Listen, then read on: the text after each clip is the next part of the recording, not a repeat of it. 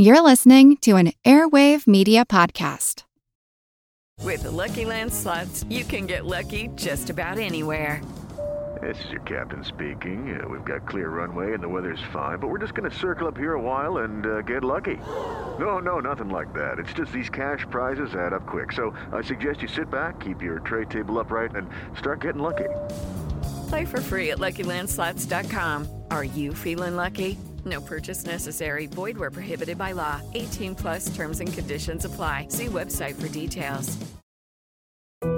We all know how important it is to keep your eye on the money, and not just your own. Stay on top of the latest financial and market news with Yahoo Finance, a podcast that releases new episodes almost every day. You'll hear a brief overview of the biggest news in the financial world, all in three minutes or less, right after markets close. Check out Yahoo Finance wherever you get your podcasts. That's Yahoo Finance wherever you get your podcasts. This is Kick Ass News. I'm Ben Mathis. Hey, folks, you know, information is power, so when's the last time you checked your credit scores? Because your scores may change more often than you think, and you should know what they are now and not from a year ago. Credit Karma is here to help out. The best thing? Credit Karma is always free and there's no catch, no credit card needed. So go to creditkarma.com or download the Credit Karma app now. Again, that's creditkarma.com or download the app. And now, enjoy the podcast. Hi, I'm Ben Mathis. Welcome to Kick Ass News. I'm honored to have as a guest today one of the brightest and most accomplished minds in economics and foreign policy in the world. The Honorable George P. Shultz is one of only two individuals who've held four different presidential cabinet posts. He's taught at three of the country's great universities MIT, the University of Chicago, and Stanford. And for eight years, he was president of the Bechtel Group, a major engineering and construction company. He began his career in government service in 1955 as a senior staff economist on the Council of Economic Advisers to President Dwight D. Eisenhower. He then became Dean of the University of Chicago's Graduate School of Business and a Fellow at the Center for Advanced Study in the Behavioral Sciences at Stanford University before returning to Washington, where he served as Secretary of Labor, Secretary of the Treasury, and the first director of the newly formed Office of Management and Budget under President Richard Nixon.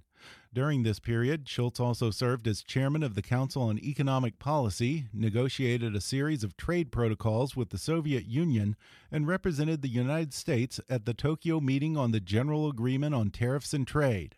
He later became chairman of the President's Economic Policy Advisory Board under President Ronald Reagan before serving as Reagan's Secretary of State, playing a key role in implementing a foreign policy that would lead to the successful conclusion of the Cold War and the development of strong relationships between the United States and the countries of the Asia Pacific region, including China, Japan, and the Association of Southeast Asian Nations. Since then, George Shultz has made his home at Stanford University's Hoover Institution, where he's the Thomas W. and Susan B. Ford Distinguished Fellow. Today, Secretary Shultz joins me for a wide ranging discussion covering everything from the Cold War and climate change to economics and the Trump tax plan. He recalls his close relationship with his favorite president, Ronald Reagan, and the vital importance of a president and his Secretary of State being on the same page. He talks about Ronald Reagan's Pershing missile moment as a masterclass in peace through strength, and the 1986 Tax Act as a lesson in breaking through partisan gridlock. George Shultz reveals how he knew Mikhail Gorbachev was someone he could do business with.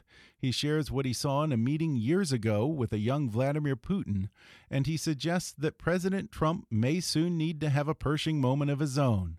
Plus, why Ronald Reagan never bluffed, why foreign policy is a lot like gardening, and why the prospect of nuclear war still keeps this old Cold Warrior up at night. Coming up with former Secretary of State George Shultz in just a moment.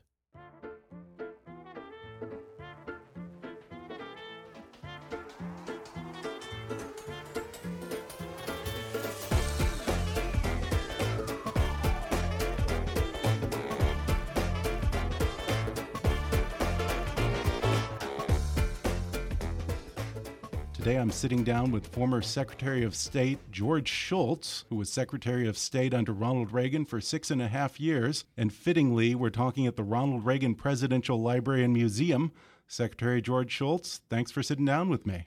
Forward to a little dialogue here. Well, since we're here at the Ronald Reagan Presidential Library, I want to start by talking to you about your time as Secretary of State under Reagan. Prior to that, you were Secretary of Labor and Secretary of the Treasury. You had a background in economics and had served on the President's Council of Economic Advisors under Eisenhower. Were you at all surprised when Ronald Reagan asked you to become America's top diplomat, given your background in economics? Well, I had known him for quite a long while. And the first time I had a lengthy conversation was when I got back from having the various cabinet offices. And he was governor of California and invited me up for lunch. And I got a two and a half hour grilling on how the federal government worked. How do you get something to happen? It was all about execution. How do you make mm-hmm. things take place? What is the, I was director of the budget. He said, Well, what does the president do? What does the cabinet do? What does the director of budget do? Suppose the president wants to change things. How does he go about that? Very operational, hands on. So I said to myself, you know, this guy probably he wants to be president, but he wants to do the job. Mm-hmm. It isn't just pie in the sky. Do the job, execute. So he was the type of leader who concerned himself with the details on the ground, would you say? Well, it wasn't so much the details as how do you get something to happen? If you mm-hmm. decide to do something, how do you make it work? Let mm-hmm. me give you an example of the way he operated. You may remember that soon after he took office, the air controllers struck. Right, right. And he took a principled position. He said they took an oath of office, they violated it, they're out. and all over the world, people said, "My God, what's the, these are the guys that keep the planes flying." But go, going back to his time as governor, he understood about execution, and he had as his Secretary of Transportation a man who had been chief executive of a major transportation company, so he understood the problem. And working with the president, they manned the towers with management people and some military. They had an aggressive re- recruiting and training program, and they kept the planes flying. And all over the world, people said, hey, watch out, the guy plays for keeps. So this instinct for how you execute was right there. And this was something you yourself knew a little bit about because you had been Secretary of Labor and had dealt with labor disputes prior right. to that. So I watched this with admiration. Now, you knew Milton Friedman from your time at the University of Chicago, and you were a firm believer in free market capitalism. As Secretary of State, how did that inform your approach to dealing with the Soviet Union? Well, I could see that their economy was going nowhere. And gradually, as I got to be able to talk more about it with Gorbachev, he asked me a lot about, and I described the market to him. As an old time communist, it was hard for him to think of the market as anything but chaos. And gradually, I had to, how does the market solve problems? And how does the market solve a problem that is efficient and distributes gains the way you want it to get distributed, and so on? And gradually, we had good conversation about it, but it helped me. What was your first impression of Gorbachev, and, and what gave you hope that he was different from his predecessors? The first time I saw him was when we went to the Chernenko funeral, and he had orchestrated this funeral. The new man in charge. He'd met with most other delegations. Our delegation was one of the last to meet with him. And since Vice President Bush was there, he had to he had to carry the meeting, and I could I had a few things to say on behalf of the president. Mostly, I could sit back and watch him which I did. He had a lot of notes in front of him. He shuffled them around. He never looked at them. And the conversation was very wide ranging. And it was a real conversation. I had more experience with Soviet leaders than anybody else there, so I had a contrast. Before, when you were talking with them, you said something went by their ear, they said something went by your ear. That's not a conversation. Yeah. But Gorbachev engaged. He listened. He responded. He expected you to listen and respond. So it was so more I of a said dialogue. that by people afterwards. This is a very different fan from anybody we've ever dealt with. He's smart. He's quick. He's going to be a tough adversary, but you can converse with him. So you can enter his mind by a conversation. And he, he is a brilliant man. Yeah, he certainly is. And I remember you saying that he was someone that we could deal with. Do you think that Putin is someone that we can deal with right now? Well, first of all, Putin has to have what I call a Pershing moment. You're referring to the Pershing missiles in we Germany, right? deployed Pers- ballistic missiles uh, in Germany, and it was a huge undertaking with Soviets walked out of arms control negotiations and banned war talk and so on, but we deployed them. And so all of a sudden they saw our alliance means business. And once they saw that strength, then gradually be able to talk on the basis of that. So I think right now we have to establish that kind of strength before we do any real talking. So, what type of U.S. action do you think would fit the bill? Well, I'm not close enough to be able to say for sure, but I think we should be arming the Ukrainians with first class armaments. We don't do that. Mm-hmm. But right. they're the boots on the ground. Give them the arms, and they can make some headway. I think that could be a Pershing moment. I've heard you say that Putin has a weak hand. What do you mean when you say he has a weak hand? Are you referring to the Russian economy or his hold on power? No, I mean that he has a demographic catastrophe on his hands. Mm-hmm. Fertility is low. Longevity has been rising a little bit, but it isn't back up to where the old Soviet was. So his manpower is not as great as it was. His economy is far too dependent on exports of uh, commodities, particularly oil and gas. And the prices have, uh, we all know, come down drastically. They're not going to go back up again. And so he's got that problem. He has a uh, real big problem in the Caucasus. Mm-hmm. And so he has plenty of problems. But he's so he has a weak hand, but he's playing it very aggressively. And that's why I think we need a Pershing moment to say to him, okay, stop. You're going to be better off if we work in a constructive way. Do you feel that we can count on him to be a rational actor in that sense? I am not there. I'm not close enough to it to say. Yeah. But I had only one meeting with him. Oh, really? And um, this was a, when we had a track two going with Henry Kissinger and Sam Nunn and myself and a few, Bill Perry and a few other people. And Sam said something that triggered him. It was a simultaneous translation. And he carried on for almost a half an hour, one chip on his shoulder after another. Really? Most of them I thought were nonsense. Every once in a while he'd say, oh, well, he's got a point there. but finally he stopped. And then I was called upon to say something or two. And he started up again. I put my hand up, and, I, and, he stopped. I said, You thought I was getting at this. I was really getting at this. And this is important to your country and to my country, and we ought to talk about it. So then he talked about it. And I came away saying, The man is uh, smart. He's young. He'll be around for a while. He's a bully.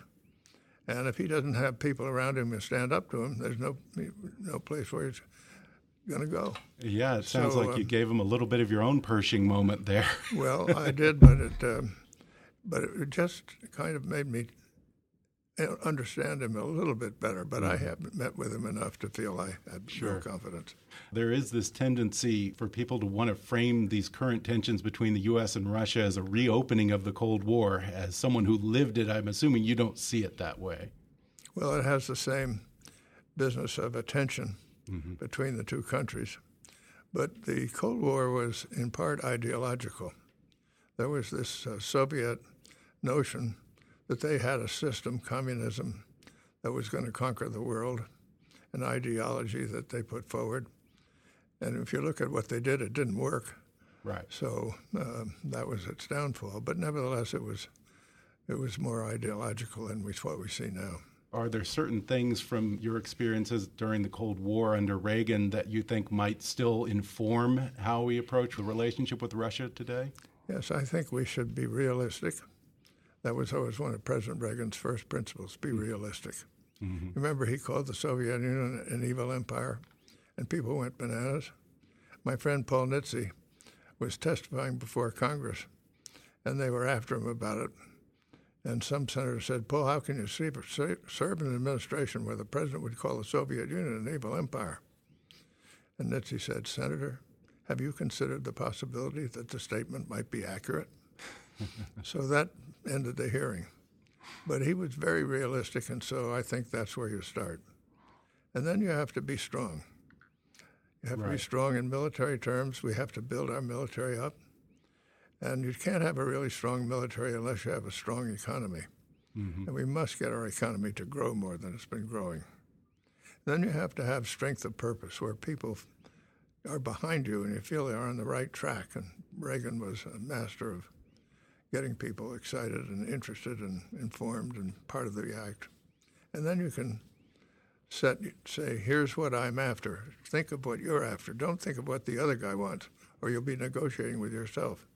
Think of what you want and then go after it.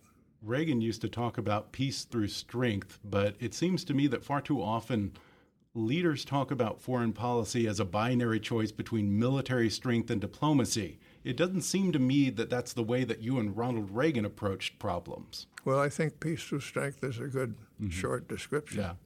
Because peace is what you're after, and you get it by strength, which is not the same as force. Having, I, I can remember I told the story to President Reagan once. He loved it. When I was in Marine Corps boot camp at the start of World War II, I remember the sergeant handed me my rifle. He said, Take good care of this rifle. This is your best friend. And remember one thing never point this rifle at anybody unless you're willing to pull a trigger. Hmm. No empty threats. I can remember times that we'd be sitting in the Situation Room and somebody would say, If that happens, it's unacceptable. And he would say, Well, what are you going to do if it happens? The answer is nothing. He said, Well, then you accepted it. Don't say it's unacceptable unless you're going to do something about it if it happens. so President Reagan never bluffed then. He never bluffed. And yeah. If, if people know that you will pull the trigger if you must, you probably don't have to pull a trigger very much. Mm-hmm. But if they're uncertain, they do things, and uh, you get away with murder. I gave the uh, example a little while earlier of the air controllers business. That was an exhibition of strength. And all over the world, people put that down. They said, well, guy's strong. He knows what he's doing. And then we had other examples that I could give. The deployment of the Pershing missiles that we referred to as a, there was no shot fired, but it was a massive act of strength. And that strength paid off. We're going to take a quick break, and then I'll be back with more with former Secretary of State George Shultz when we come back in just a moment.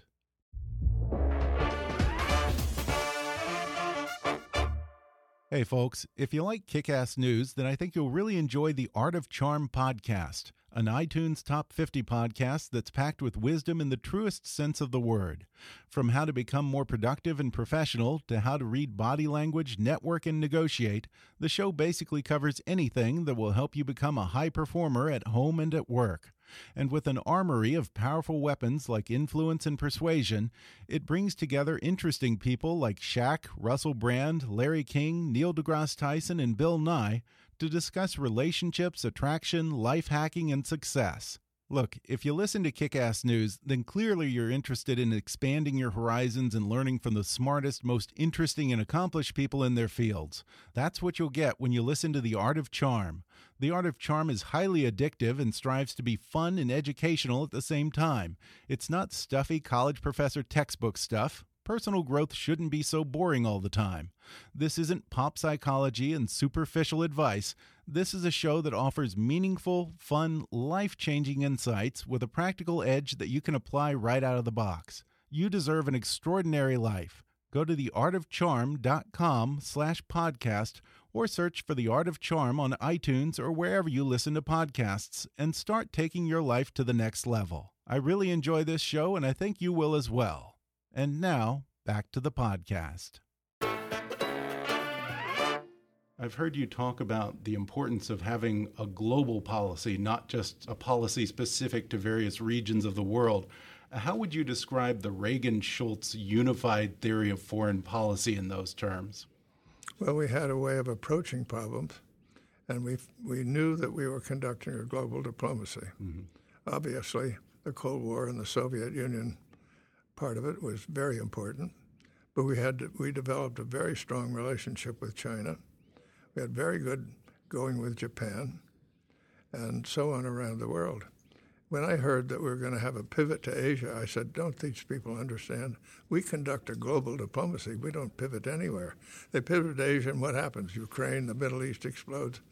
So uh, you have to be have your hand everywhere." And what that means is you have to have a strong Department of State and have good embassies with good ambassadors And the Foreign Service people are terrific as they can help you. Well, I've heard you use the analogy of gardening to describe diplomacy. Uh, can you elaborate on that analogy a little bit? Well, if you are a gardener and you plant your seeds and you go away for six months and come back, what have you got? Weeds. And you can't get them out without getting everything else out. So any good gardener knows you have to tend the garden, and then you'll have what you want. The same is true in foreign policy. You have to go and get to know people. Garden. Don't just go when there's a big problem. Go when just so you get to know people. Mm-hmm. And you develop a relationship of trust and confidence. And I did that with Shevardnadze, the Soviet foreign minister. I did that with Wu Xueqian, the Chinese foreign minister. And I remember when Shevardnadze asked for private time, and he said, I want you to know that we have decided to leave Afghanistan. We haven't decided when to announce it or when to do it, but it, we're going to do it. And I'm telling you that so maybe we can talk a little together about how to have it happen in a way that minimizes the loss of human life. He would never have told me that if he didn't trust me. He mm-hmm. knew I wouldn't go blab it to the press. The only person I told was President Reagan. And it did work out that we were able to do some things that I think was helpful both to Afghan lives and Soviet lives. And that gets to something that I think uh, Margaret Thatcher once said to you. She said, One thing you can be sure of with Ronald Reagan if he gives you his word, that's it.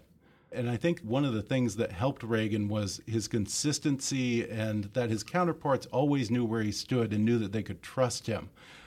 I wonder, in the context of things going on today, do you feel that it's helpful if the president says things like he wants to be unpredictable in terms of his foreign policy, or perhaps rides both sides of an issue like the U.S. NATO relationship or the one China policy? Well, I think you have to be consistent, mm-hmm. and people have to know you mean what you say. I think one of the best things that has been done in this administration is when the Syrians used chemical weapons again, they got clobbered. Mm-hmm. And it was done really professionally. Two ships put their uh, missiles up there, and none of them fired until they were all there. And then they destroyed what amounted to 20% of the Syrian Air Force. They didn't touch the chemical weapons because they didn't want to have them spread around. And they left the Air Force open so the Soviet planes could, Russian planes could get out. But anybody that looked at that from a military standpoint, see, these guys are pros. Mm-hmm. So it was a very important marker. Mm-hmm. They did what Obama didn't do after they used. He That's drew true. a red line, and and when they crossed it, he didn't do anything. In my boot camp analogy, shows that he will pull a mm-hmm. trigger. Talk a little about the relationship with Reagan and the importance of having a Secretary of State who doesn't have any daylight between him and the president. Well, I, people would ask me about my foreign policy, and I always said I don't have one. Mm-hmm. The president has one. My job is to help him formulate it and carry it out. And he and I had two private meetings a week. So we sat together, the two of us, and we talked about whatever, what was coming up, what was on the horizon, how we ought to get it together. Talked about, he loved to talk about bargaining and negotiating. He was a good negotiator. So I got so I knew how he would think about things. Mm-hmm. And I could really truly represent him as I was going around. In that sense, when you look at Rex Tillerson saying that we want a diplomatic solution to North Korea, and then Trump tweeting that uh, there's no negotiation to be had with little rocket men, meaning Kim Jong un, um, do you feel that that's helpful to the situation? I'm assuming not. Well, it, it makes it clear to everybody that the, pre- the Secretary of State does not speak for the president. Mm-hmm. And if you're going to be successful, you're speaking for the president. Then people mm-hmm. take you seriously. Mm-hmm to borrow a phrase from Winston Churchill, people should deal with the organ grinder, not the monkey. well, okay. I want to ask you, if you will, to put on your economist hat for a moment here and to talk about the Trump Tax Reform Act. Um, what are your thoughts on that? Well, it's a very intricate process, mm-hmm. and I don't claim to have rolled up my sleeves and tried to understand every part of it. Mm-hmm. But I think particularly the corporate tax reductions are very pro growth. Mm-hmm. But as far as all the ins and outs of it, I, I haven't studied it enough. but I do remember the 1986 Tax Act. Right. Here's the way that started. I had been President Reagan's economic advisor before I was Secretary That's of right. State. Yeah. So he asked me if I had any ideas. We were down at the Annenberg Estate. They had wonderful New Year's Eve parties, and President and I always had a December 31st golf game. So I mm-hmm. told him at the end of the golf game, I've got an idea for you. So we went in, and I said, Mr. President, there is a free lunch. Oh, yeah? I said, yes, if you will cut the preferences out of the tax system and lower the rates in a commensurate way so it's revenue neutral, and they'll score it as though nothing happens to the economy. When that happens, the economy will expand and you'll get more revenue than they calculated. That's the free lunch. We talked about it for quite a while and he bought it. And that started what became the 1986 Tax Act. First, there was what was called Treasury One. It was a pretty good, clean bill. Didn't go anywhere. Then Danny Rostenkowski, and who's chairman of Ways and Means, a Democrat, got interested in the idea of preferences, and the House worked out a bill. It wasn't too good, but it had basic ideas in it. And Bill Bradley, Senator Bill Bradley, got interested in it, and the Senate passed a very good bill, much like Treasury One. And that bill prevailed in the conference. So then it passed the Senate 97 to 3. Wow, that's almost unheard of these days. And somebody asked the president if it bothered him that Wow. two Democrats introduced this legislation. You know, he said, it passed, didn't it? 97 to 3 and now when we look at the current tax reform the democratic leadership refused to even show up to the meeting and we see the president having trouble even wrangling votes on the republican side um, what do you think is the critical difference In the case of the 1986 Tax Act, for example, there were extensive hearings. All kinds of proposals were brought up, witnesses testified. There was a process. And by the time the process was through, people understood quite well what they were doing, what they were voting on. And the process of back and forth and discussion brought people to a general agreement that this was a good idea. And so then you're you're voting on a good idea, so you don't have big divisions about it. what reagan called the 80% my friend idea Well, Reagan always said that he got something. He said, "Well, if I got 80%, I come back for the next 20% later." So I'd never heard that version. Well, I want to talk about the two animating issues of your post government life nuclear proliferation and global climate change. Um, with Iran pursuing a nuclear program, ISIS and terrorist groups seeking some form of nuclear weapon, and of course, North Korea aggressively working toward a nuclear weapon, what concerns you most that you're seeing right now? I think there are two big issues cross-cutting everything, and either one getting out of control can destroy our world. One is nuclear weapons, and the other is climate change. Mm-hmm. Now, people seem to have forgotten what a nuclear weapon can do. If a nuclear weapon is, is dropped in this area, it's incinerated, it's gone. Mm-hmm. Nothing's left. Yeah. New York disappeared. Moscow disappeared. They're unimaginably destructive. And I, there's a man named Bill Swings, a wonderful retired bishop in California. He and I are great friends, and he says, when you put your hand on the Bible and swear to be president of the United States, that's the least of it. Hmm. It's when you put your hand on the nuclear button, and you can start- start something that could kill a million people.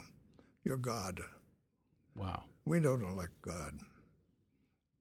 So nuclear weapons are devastating, and we need to somehow come to grips with it better. And that's the reason why, if we can somehow stabilize things with Russia and get back to discussions with them, that because we and they have the most, mm-hmm. so we can lead the way, as we did once. The nuclear weapons today are a third of what they were at the time of Reykjavik, but now the problem is they're proliferating. And the more they're spread around, the more chance there is some fissile material will get into terrorist hands and you've got a problem. So you got that. And the climate is another. There's no question that the climate is getting warmer. It's not a, I don't know how anybody can even debate that, what we see. And at the same time, we see already major events taking place that are the result.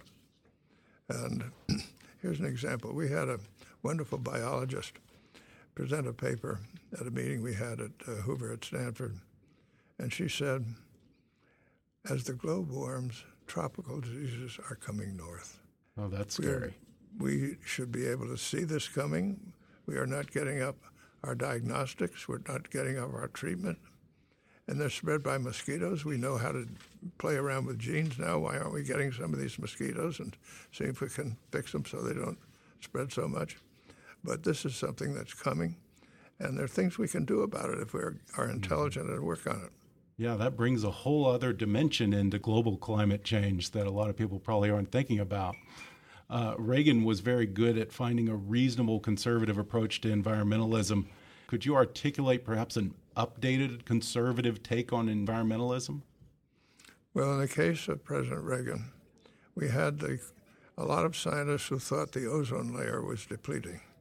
There were some who doubted it, but they all agreed that if it happened, it would be a catastrophe.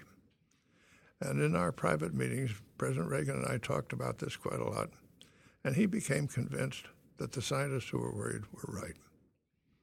So he did something unusual in today's environment. In today's environment, the people who you don't agree with, you try to vilify them.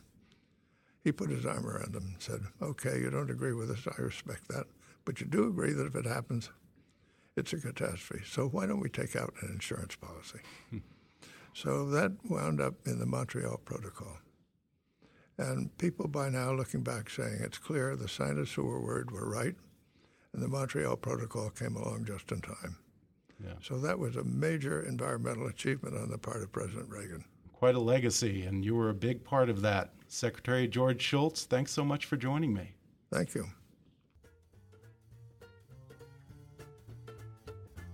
It was a real honor to have Secretary George Shultz on the podcast. I just want to point out that the man is 97 years old, pushing 100. And as you could tell during the interview, he's sharp as a tack and incredibly insightful and articulate. If I'm even in half the shape that he's in at that age, I'll consider that a win.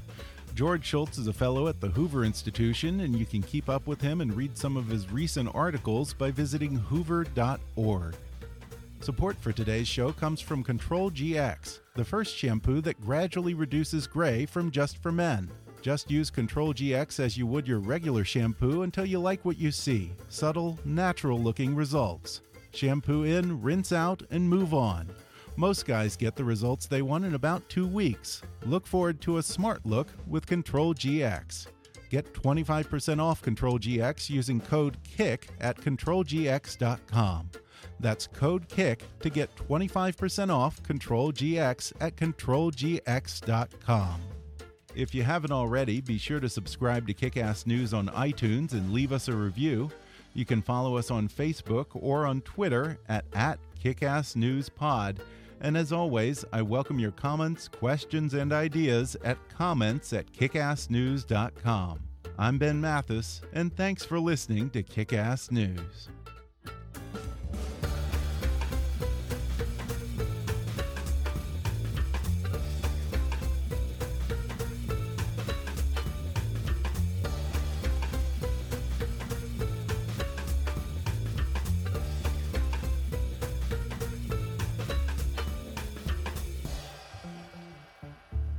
Kickass News is a trademark of Mathis Entertainment, Inc.